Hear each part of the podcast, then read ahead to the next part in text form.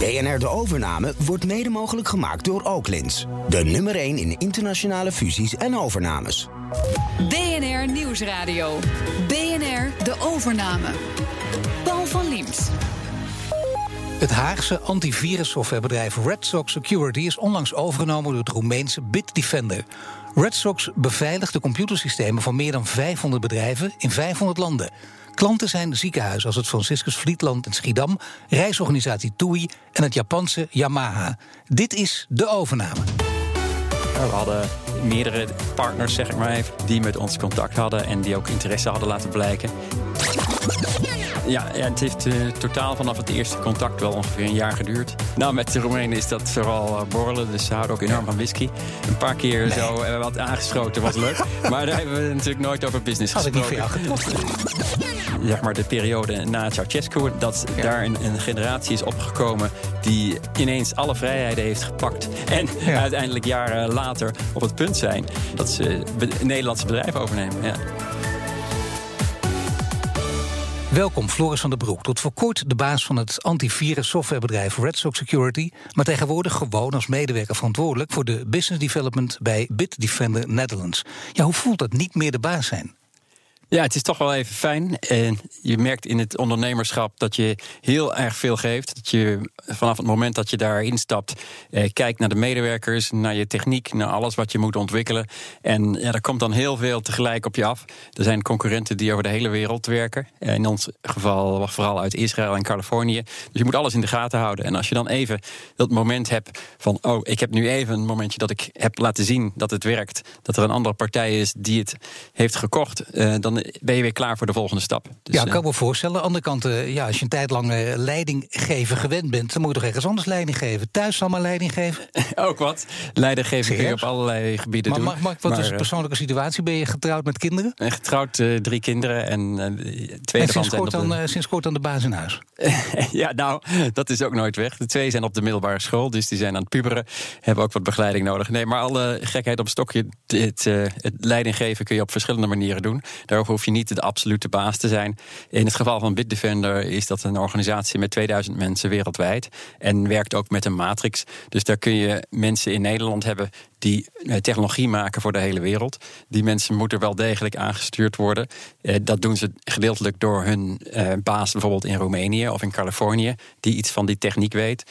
Maar ook door iemand in Nederland die ze begeleidt om de beste resultaten te laten zien. Ja, soms kun je ook helemaal niets meer doen aan overname. Dat gebeurt zelfs heel vaak. Maar heel vaak gebeurt het ook anders, namelijk dat je werkzaam blijft of nog een tijdje lang zelfs als leidinggevende aanblijft. Jij blijft dus aanhalingstekens gewoon werkzaam bij de overnemende partij. Is er wel afgesproken dat het niet te lang moet duren? Of zou dit tot een lengte van jaren kunnen duren? Het zou zeker tot een lengte van jaren kunnen duren. Daar, uh, Bitdefender wil graag snel groeien. Dit is een hele nieuwe divisie die voor het product wat ze leveren echt iets nieuws heeft. Uh, ze hebben normaal uh, de software die op laptops staat, of op computers staat. Dus antivirus software, dat ken je misschien wel. En ja. wat wij maken is software die netwerken bekijkt. dus je hebt dan iets wat eigenlijk elkaar aanvult voor een goede beveiliging. Nee, ik bedoel eigenlijk een overnemende partij die kan een ja. hele andere kant op willen gaan. Dat doen ze ook heel vaak. Dat is niet voor ja. niks ook. Dat mag ook naar een overname. En dan denken ze misschien in jouw geval, nou die Floor is uh, leuk en aardig allemaal, maar hij loopt ons voor, in voor de voeten. Het zou kunnen. Nou, op dat moment zullen ze zeker afscheid van me willen nemen. Maar eh, dat is heel duidelijk overeengekomen geen, dat ze dat niet willen. Ja, er zijn harde ja. afspraken gemaakt over bijvoorbeeld dat je nog twee jaar aanblijft. Nee, nee, in ieder geval is het plan dat ik aanblijf. Ik heb gewoon een onbeperkte termijn arbeidscontract gekregen. En ik blijf dus ook, zolang als het zin heeft voor alle partijen, zorgen dat die producten die wij hebben bedacht in de rest van de wereld ook verkocht worden. Dus je blijft dan werkzaam voor de overnemende partij voor Bitdefender, ja. maar je was werkzaam voor dit bedrijf. Sox have won the American League pennant for the 14th time in their history. Kijk, de Red Sox, wonnen de World Series. Veel mensen die, die ik vertelde dat ik, dat ik je zou gaan interviewen... die zeiden, oh, dat zijn die honkballers van de Boston Red Sox. Daar is het natuurlijk naar vernoemd. Ik ben natuurlijk niet de eerste, denk ik, die dat om zich heen hoort. Uh, absoluut. Het bedrijf is in 2012 opgericht door Pepijn Jansen... die vanuit de law enforcement kwam, vanuit de uh, politie. En daar uh, heeft bekeken naar verschillende dingen die red teaming worden genoemd. red teaming en blue teaming heb je in de cybersecurity. En eigenlijk is de red team is het team wat dingen probeert om kapot te maken. En SOC is van Socket of Security Operations Center. dus de, naam SOC in de security-wereld is heel bekend. Maar Maar toch, Red Sox. En ik bedoel, stel dat je een bedrijf Ajax noemt in Nederland. Ja, dat is toch lastig? Ik denk dat, dat je wel advocaat op je dak krijgt. Maar dat mag gewoon, deze naam? Ja, je mag het gewoon zo noemen. Er is natuurlijk inderdaad dat baseballteam in Boston. wat je overigens met een X schrijft. Maar even dat terzijde, het klinkt wel degelijk hetzelfde. We hebben wel ook daardoor, mede daardoor, wat gewacht met de Amerikaanse markt te betreden. we zijn wel naar het buitenland gegaan. En bijvoorbeeld Duitsland, België en vooral Japan eigenlijk. En wat daar nou weer grappig is, dat Japanners de naam Red Sox kennen van de baseball. Maar dat ook weer heel mooi vinden, omdat het juist die, die buitenlandse klank heeft. En uh, dat ze het associëren met iets positiefs. Nee, natuurlijk, dat is heel positief. Maar uh, het andere, de andere kant kan natuurlijk zijn dat je denkt, ja, je, het wordt door elkaar gehaald. Uh, het is een beetje warrig. En daarom zou de honkbalclub kunnen denken, jongens, leuk bedrijf, maar dat moeten we niet doen. Uh, het, is, uh, het is in Amerika uh, zeker wat lastiger. Ik denk dat het inderdaad zo klinkt zoals je net zelf zegt. waarom zou je een product in Nederland hebben wat Ajax of Feyenoord heeft? Dan heb je altijd bepaalde fans en bepaalde mensen die absoluut niet je product willen kopen. Oké, Red Sox, opgericht door Pepijn Jansen. Je noemde hem al een paar keer in 2012. hoe ben jij erbij betrokken geraakt? Ik ben in 2015 eh, betrokken geraakt eigenlijk als investeerder en commissaris. Het bedrijf had toen op dat moment extra geld nodig. Het product was klaar en er waren een paar klanten. En de volgende fase was vooral veel meer nieuwe klanten binnenhalen. En maar dat betekent wel, vanaf dat moment uh, werd Pepijn Jansen werd CTO. Dat is een stapje dan onder de CEO. Dat betekent dat jij leiding gaf aan, aan de oprichter. Ja, maar zo zien we dat in de praktijk niet. Want het is een bedrijf wat uh, eh, 35 mensen heeft. En iedereen is daar heel erg naast elkaar aan het werk. En niet zozeer dat er echt één iemand is die uh, vervolgens aan de rest vertelt wat ze moeten doen. Nee, dat is waar. Maar het betekent toch dat je in ieder geval voor de buitenwereld misschien uh, wat problemen kunt krijgen. Maar dat is in de praktijk dus nooit gebeurd. Geen frictie, omdat de een de ander voor de voeten gaat lopen. nee, absoluut niet. Ik zou maar wie zeggen... hakt er dan de knopen door als het er echt op aankomt? Nou, dat doe je eigenlijk samen. Maar de, de knopen die doorgehakt moeten worden zijn eh, vrij eenvoudig. Namelijk, uh, het is, uh, je hebt techniek. De techniek moet goed zijn. En de beslissingen zijn vooral over hoe snel je welke klanten kunt binnenhalen. En dat is een, een ding waar ik me op focus. Samen met het commerciële team natuurlijk. De salesmensen en de marketingpersonen. en dat snel is een klanten willen binnenhalen is één. aan de andere kant is natuurlijk, wat doe je precies als antivirus softwarebedrijf? Kun je een sprekend voorbeeld noemen waaruit blijkt... oh ja, dat is nuttig zeg dat het bedrijf bestaat? We vinden dus om te beginnen virussen op eh, de hele dag door. Elke dag 50.000 nieuwe. Eh, die uh, virussen, die informatie heet dus threat intelligence, zoals we het met een Engelse woord noemen. En die threat intelligence die zorgt ervoor dat apparaten die wij in het veld zetten continu slimmer worden. En dat is heel tastbaar, want op het moment dat er weer een nieuw virus uitbreekt, dan is de zaak dat je het zo snel mogelijk weet dat dat bestaat, wat de indicatoren zijn van dat virus. En dat je dus ook direct je apparaat zo slim hebt gemaakt dat als dat virus langskomt, dat je direct direct, dat er direct een rode lamp Maar geef eens een voorbeeld. Wanneer gebeurde dat? Nou, met verschillende aanvallen ook in ransomware, wat je die afgelopen jaar hebt gezien. We hebben recenter weer zo gezien, Samsam heet dat. Hele gemene ransomware. Op het moment dat je die binnenkrijgt, of liever gezegd, dat gebeurt meestal doordat mensen een mail ontvangen waar een link in zit. Als je op die link klikt, dan veroorzaak je een soort uitgaande eh, verkeer naar die website of naar die site die in die link zit. Op dat moment detecteert ons apparaat dat er iemand op zo'n link klikt. En die slaat direct alarm. En dan kan bijvoorbeeld die link, eh, die verbinding afgesloten worden. Zodat je niet eens op de site komt waar eigenlijk die gevaarlijke informatie van gedownload wordt. Dat is belangrijk en nuttig natuurlijk. Maar je hoort af en toe van die verhalen van die hele slimme jongetjes. Die worden dan uh, hele erg slimme nerds genoemd. Die krijgen een prachtige toekomst toegedicht ook. En uh, die worden ook wel eens op de huid gezeten. Want die zijn toch niet op alle gebieden even slim. Daar hebben jullie volgens mij ook wel eens mee te maken gehad. Ja, we hadden natuurlijk die DDoS-aanvallen. Dat was in het voorjaar, waar de banken eigenlijk zoveel verkeer verwerkt kregen dat die websites onbereikbaar werden. En we hebben daar snel onderzoek naar gedaan.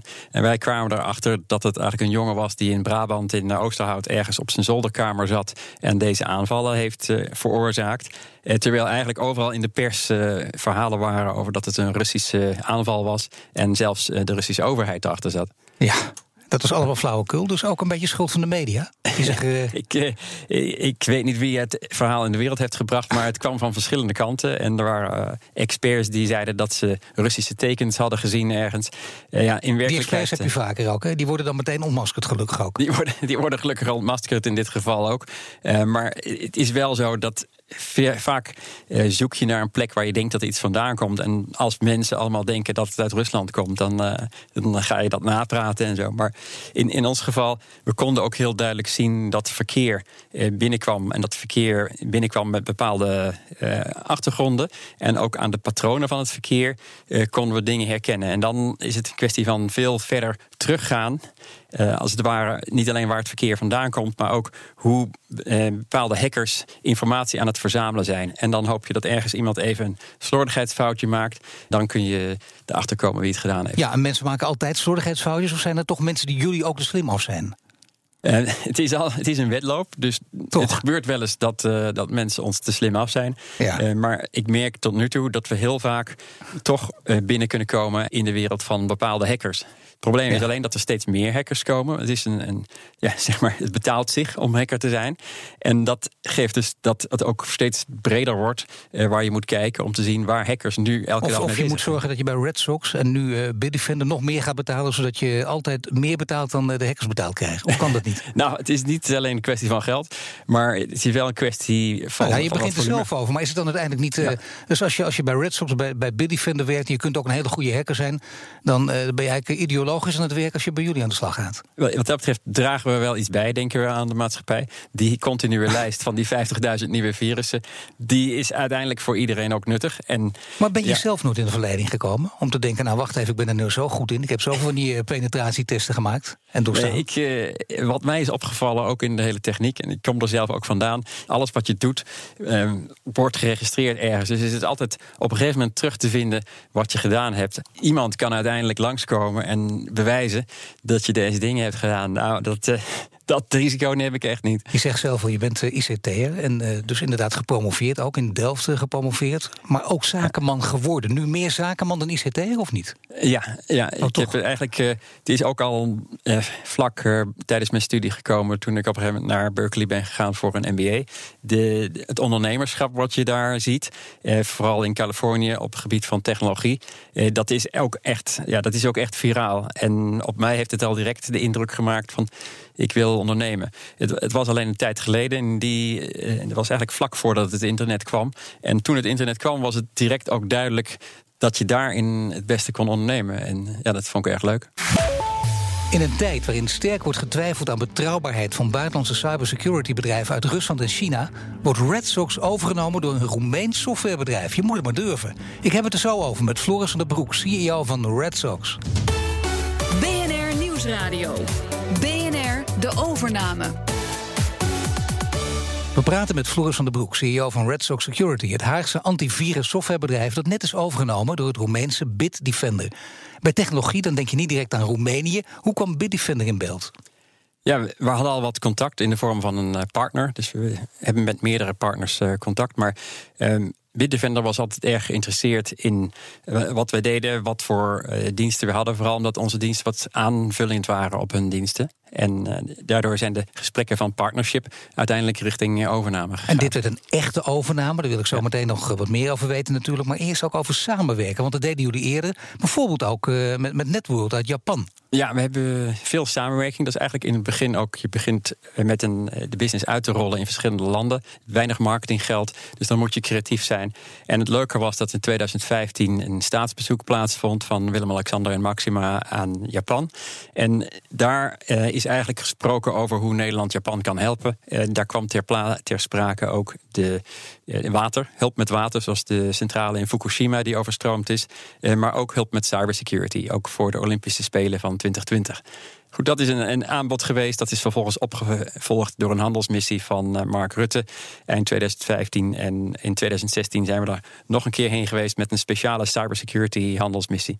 En het leuke was eigenlijk dat we daar niet zo direct, uh, direct profijt van hadden. We mochten veel presentaties houden voor allerlei uh, senior mensen van grote bedrijven in Japan. Dus Sony en Hitachi en zo. Dat was heel leuk. Maar die mensen die hadden niet direct daarna zoiets van laten we nu maar eens even zo zo'n product aanschaffen. Maar op de laatste dag van mijn bezoek zat ik samen met de, de partner, dus de, de directeur van onze lokale partner, Ja. en IT-bedrijf in Japan. En die zei: Nou, Floris, waar ben je deze week geweest? En ik haalde zo die stapel kaartjes uit mijn zak. En hij begon door die kaartjes te bladeren. En hij zei: Nou, dit is geweldig, dit is geweldig. Ik heb nog nooit deze mensen gesproken. Heb ik altijd al willen doen. En hij pakt zijn telefoon en belt zijn marketingmanager en zegt: Dit is een bedrijf, Red Sox uit Nederland. Dat is Ja. de volgende Cisco. We moeten hier eh, geld voor vrijmaken. En eh, ga direct een grote marketing Dus het heeft even geduurd in Japan, maar toch uiteindelijk met dank aan het Koninklijk Huis. Ja, absoluut. absoluut. Dat eh, gaf ons op de juiste niveau ingang. En hoewel die mensen niet direct iets kochten, gaf dat weer een referentie. Maar uiteindelijk dus een overname. Bitdefender uit Roemenië, niet een ander bedrijf. Noem eens een paar voorbeelden, echte grote voordelen van Bitdefender boven die andere. Ja, het voordeel van Bitdefender is afgelopen jaar is eh, Bitdefender door een eh, private equity bedrijf eh, van een investering voorzien. Er is 200 miljoen euro aan kapitaal ingegaan, waardoor het bedrijf een enorme sprong heeft kunnen maken. Het bedrijf is 20 jaar geleden opgericht door een Roemeense wiskundeleraar, die nog steeds de, de CEO is. En die wiskundeleraar heeft heel langzaam maar zeker met een heel erg goed product die markt veroverd. Maar had een, een soort boost nodig. Nou, afgelopen jaar is die gekomen in de vorm van die investering. Waardoor het bedrijf ook eh, in één keer op de rest van de wereld een enorme voortgang heeft gemaakt. En, en een soort van, eh, ja, noem het maar, eh, war chest heeft om overnames te doen. Dat was voor ons heel aantrekkelijk. Dus het is een mix tussen een bedrijf wat nog niet te groot is, zodat beslissingen heel lang kunnen duren. Maar en wel ondernemend genoeg, eh, maar tegelijkertijd wel groot genoeg om, om de power te hebben qua marketing en Soms gaan dit soort processen heel snel. Meestal duurt het een tijdje. Voorzichtig aftasten. Dat is eigenlijk de eerste fase. Was dat bij jullie ook het geval? Ja, ja, het heeft eh, totaal vanaf het eerste contact wel ongeveer een jaar geduurd. Oh, toch. En, maar wat dan? Vooral echt eh, aan elkaar wennen? Bijvoorbeeld net als je aan de, met Chinezen... dat je aan elkaar moet wennen omdat je eerst zes keer met elkaar moet gaan eten. Koffie drinken, ja, thee ja. drinken vooral. Nou, met de Roemenen is dat vooral borrelen, dus ze houden ook enorm van whisky. En dat, dat Hoe vaak ben je dronken geweest dan eh, in de onderhandelingen? Nou, hele- helemaal dronken probeerde ik niet te worden, maar een paar keer zo eh, wat aangeschoten was leuk. maar daar hebben we natuurlijk nooit over business Had ik niet voor jou gedacht. Je zat toch een beetje aangeschoten aan tafel met die Roemenen. Ja, ja, en geen gekke dingen gedaan dan? Geen gekke dingen gedaan, nee. Daarna wel nee. met z'n allen naar de nachtclub. Oh, Nou, nee, nee, je vrouw eh, luistert. Laat maar, nee, doe maar niet. Doe maar niet. Nee, gelukkig konden we altijd nog eh, zeggen van... Hey, wij, eh, we zijn hier uiteindelijk toch een beetje aan het onderhandelen... dus we zien Ja. je morgen aan tafel. Maar wacht, het is best interessant in dit soort onderhandelingen. Dan moet dat wel, want stel dat je het niet doet, dan stoot je ze voor het hoofd. Dat weten we allemaal. Iedereen die met onderhandelingen te maken heeft. Maar er zijn er heel veel trucs voor. Als ze niet Ja. kijken, eh, de drank, eh, de whisky eventjes in de plantenbak gooien. Ja, ja dat, eh, dat helpt soms ook. Nou, in dit geval was het niet, niet, niet nodig. Hoor. Er zijn verschillende soorten Roemenen... en sommige zijn meer voor de drank dan de ander. Maar wat ook erg helpt, is een adviseur. Je kunt natuurlijk bepaalde informatie via de adviseur sturen. En zeker als het op een Maar gegeven waar is moment het moment dan? Waar is het moment tijdens zo'n jaar dat je een adviseur in de hand wil nemen? Ja, dat is, eh, dat is toch wel vrij in het begin. Het is natuurlijk eigenlijk zo vroeg mogelijk. Ehm, in ons geval eh, kenden we wat namen van partijen die in ons geïnteresseerd waren. We hadden meerdere eh, soort van partners, zeg ik maar even tussen aanhalingstekens, die met ons contact hadden en die ook interesse hadden laten blijken. En het is eigenlijk net zo'n beetje als, eh, als bij het eh, ja, vriend en vriendin die me- eh, elkaar wat aftasten. De, de, Heb je ook een adviseur bij nodig? nou, dat is nou, dat is nou het grappige. Dat de adviseur eigenlijk vooral helpt om bepaalde dingen heel helder te maken. En, en met name als het gaat op een gegeven moment wat verder gaat over hoe geef je de transactie vorm. Is het een, bijvoorbeeld een aandelentransactie of een, eh, een asset transactie? Dus nemen ze dingen over of, eh, of het bedrijf al helemaal. Nee, maar dan zie je dus hoe dus, eh, belangrijk ook de keuze van die adviseur is. Hè? Omdat je dus heel vaak, ik, ik hoor vaak toch de stoere verhalen van mensen die zeggen: Nou, ik had zo'n adviseur niet nodig. Ja, even een weekje, een paar Ja. dingetjes op papier, toen wist ik het. In jullie geval, zoals het heel vaak ook gaat, heb je zo'n adviseur nodig. eh, Bijna om alle details ook gewoon in kaart te brengen. Ja, het is toch eh, iets. Adviseurs doen het dagelijks. En zelf doe je het eh, hoogstens eens in de zoveel jaar. Zo'n grote deal. Ehm, dus ja, je hebt, je hebt dat gewoon nodig. Je hebt het ook gewoon nodig in de onderhandeling zelf. Omdat je zeker bijvoorbeeld Pepijn als founder en ik zelf als CEO. Je bent op meerdere vlakken eigenlijk daar aan tafel. Wij wilden allebei verder in het bedrijf. Je bent dan na afloop nog steeds als het ware met de koper getrouwd. Eh, het is ook niet heel verstandig om dan in de onderhandeling het al zo op scherp te spelen. Nee, dat is waar. De- daar gaat die vergelijking helemaal weer op. Maar jij bent de CEO, oprichter Pepijn nog steeds CTO bij Red Sox. eh, samen die onder overname ook ingegaan met adviseurs erbij. Een langdurig proces van een jaar. Maar toch ook een verhouding eh, met jullie beiden aan tafel. Hoe ging dat dan? Hoe was die verhouding? Oh, dat, dat ging heel makkelijk, want we hebben een simpele taakverdeling. Uh, Pepijn doet de technische zaken, ik doe de commerciële zaken. En, maar wie was het meest aan het woord? Uh, dat, uh, Laat ik zeggen, de... wie dronk de meeste whisky? Ja. Nee, maar... nou, we dronken, we dronken allebei nogal wat, uh, wat whisky. Maar we waren beide veel aan het woord. Wat de Roemenen vooral hadden, is grote technische teams. Dus Pepijn was in die zin wat meer aan het woord... omdat hij heel veel mensen over zich heen kreeg... die allemaal vragen stelden. Uh, ook in het, in het proces naar de overname toe. en eh, in de, aan de commerciële kant uh, was het wat kleiner. Het is ook wat makkelijker over te brengen. Het gaat heel veel over cijfers, over klanten. En daar wil je ook niet alles van kwijt. Uh, dus je, je hebt in het commerciële deel van de overname heb je veel meer afgebakend uh, wat je wel en niet wil vertellen. En dat nu gaat het in, in, deze wereld natuurlijk helemaal, in veel van die werelden, maar deze helemaal om betrouwbaarheid rond cybersecurity. Bedrijven uit Rusland, China, Kaspersky, Huawei. hoe weet je of ze wel of niet te vertrouwen zijn? En helemaal bij het Roemeense Bitdefender, hoe kun je ze vertrouwen? Nou, je kunt, je kunt ze zeker vertrouwen. Er is een hoop toezicht. En Roemenië is natuurlijk deel van de Europese Unie. De producten die hier worden eh, aangeboden, die worden bij verschillende klanten gebruikt. En sommige klanten hebben ook eisen aan de inhoud van die producten. Die willen ook de inhoud van die producten zien. Die willen de software zien. En die kunnen zelf zien of er bepaalde lekken zijn of informatie eh, naar buiten gaat. Dus het is daardoor wel te bewijzen dat je als bedrijf niet de informatie gebruikt van je klanten. Eh, voor de rest moet ik zeggen, ja, je ziet de discussies die zijn met bijvoorbeeld apparatuur en software uit bepaalde landen. zou dat informatie wegnemen? Ja, in sommige gevallen is het gewoon ook heel moeilijk te controleren. Okay, maar uiteindelijk een, een EU-land, bekend met de technologie. jullie vertrouwden ze wel, maar andersom vertrouwden zij jullie geloof ik niet helemaal. Nou, uh, er was uh, natuurlijk zeker een proces van due diligence. Dat is in elke overname traject. Uh, due diligence is het heel nadrukkelijk en gedetailleerd bekijken van wat het bedrijf allemaal in ja, huis goed neemt. Goed screenen ook eigenlijk. eigenlijk goed screenen. Dat hebben ze heel erg grondig gedaan. ik zei al, ja, het totale proces was misschien een jaar. Nou, dat kwam eigenlijk ook omdat het even duurde voordat. maar wacht even, een jaar? Ze hebben een jaar lang hebben ze jullie. De, het totale overnameproces van oh. een jaar en de due diligence is een, een paar maanden, ongeveer twee maanden. Nou, dat is toch lang. En, en dat, is twee maanden in zekere zin in je nek hijgen. Ja. En eigenlijk twee maanden de boodschap zijn jullie wel te vertrouwen. Uh, nou, zo zeggen ze het gelukkig niet. Nee. Maar uh, wat je doet bij, uh, wat zij doen bij een due diligence, is dat je heel veel externe, externe adviseurs gebruikt. De externe adviseurs die hebben ook een eigen beroeps ja, trots. En zeker als je het hebt over oh, ja. accountants en technici, maar ook natuurlijk de juristen. die gaan grondig door alles heen wat op papier staat. en in het geval van techniek gaan ze heel grondig door zelfs de software heen. En de software, bijvoorbeeld of die zaken bevat eh, die niet van ons zijn, eh, auteursrechtelijk probleem hebben of eh, op een bepaalde manier niet goed werken of dat we afspraken met klanten verkeerd hebben gemaakt. Alles wordt genoteerd, enorme vragenlijsten worden ingevuld en de antwoorden daarvan die worden gebruikt. Afschuwelijk tijdrovend en bureaucratisch en, en, en, lastig werken. ja. ja, enorm. Maar ik hoor het van elk bedrijf wat dit ondergaat, dat de due diligence gewoon de zwaarste tijd is. Ja, en je bent er nu doorheen. En er nu doorheen, ja. Ali Niknam van Bunkbank en Transip die was vorige week bij ons te gast. Hij werd erg enthousiast van deze overname, maar hij was ook erg benieuwd naar de samenwerking met de Roemenen. Ik zou eigenlijk gewoon willen weten, hoe is dat nou? Hoe is het om met Roemenen samen te werken? Hij gaat nog een stapje verder dan ik. Hij wil het echt wel weten, vooral met die Roemenen. Ja, het is heel uh, grappig. Het, uh, het, bedrijf is niet puur Romeins, het is opgericht door Roemenen. Uh, inmiddels zijn er in de top heel veel Amerikanen. Het zit ook gedeeltelijk in Californië.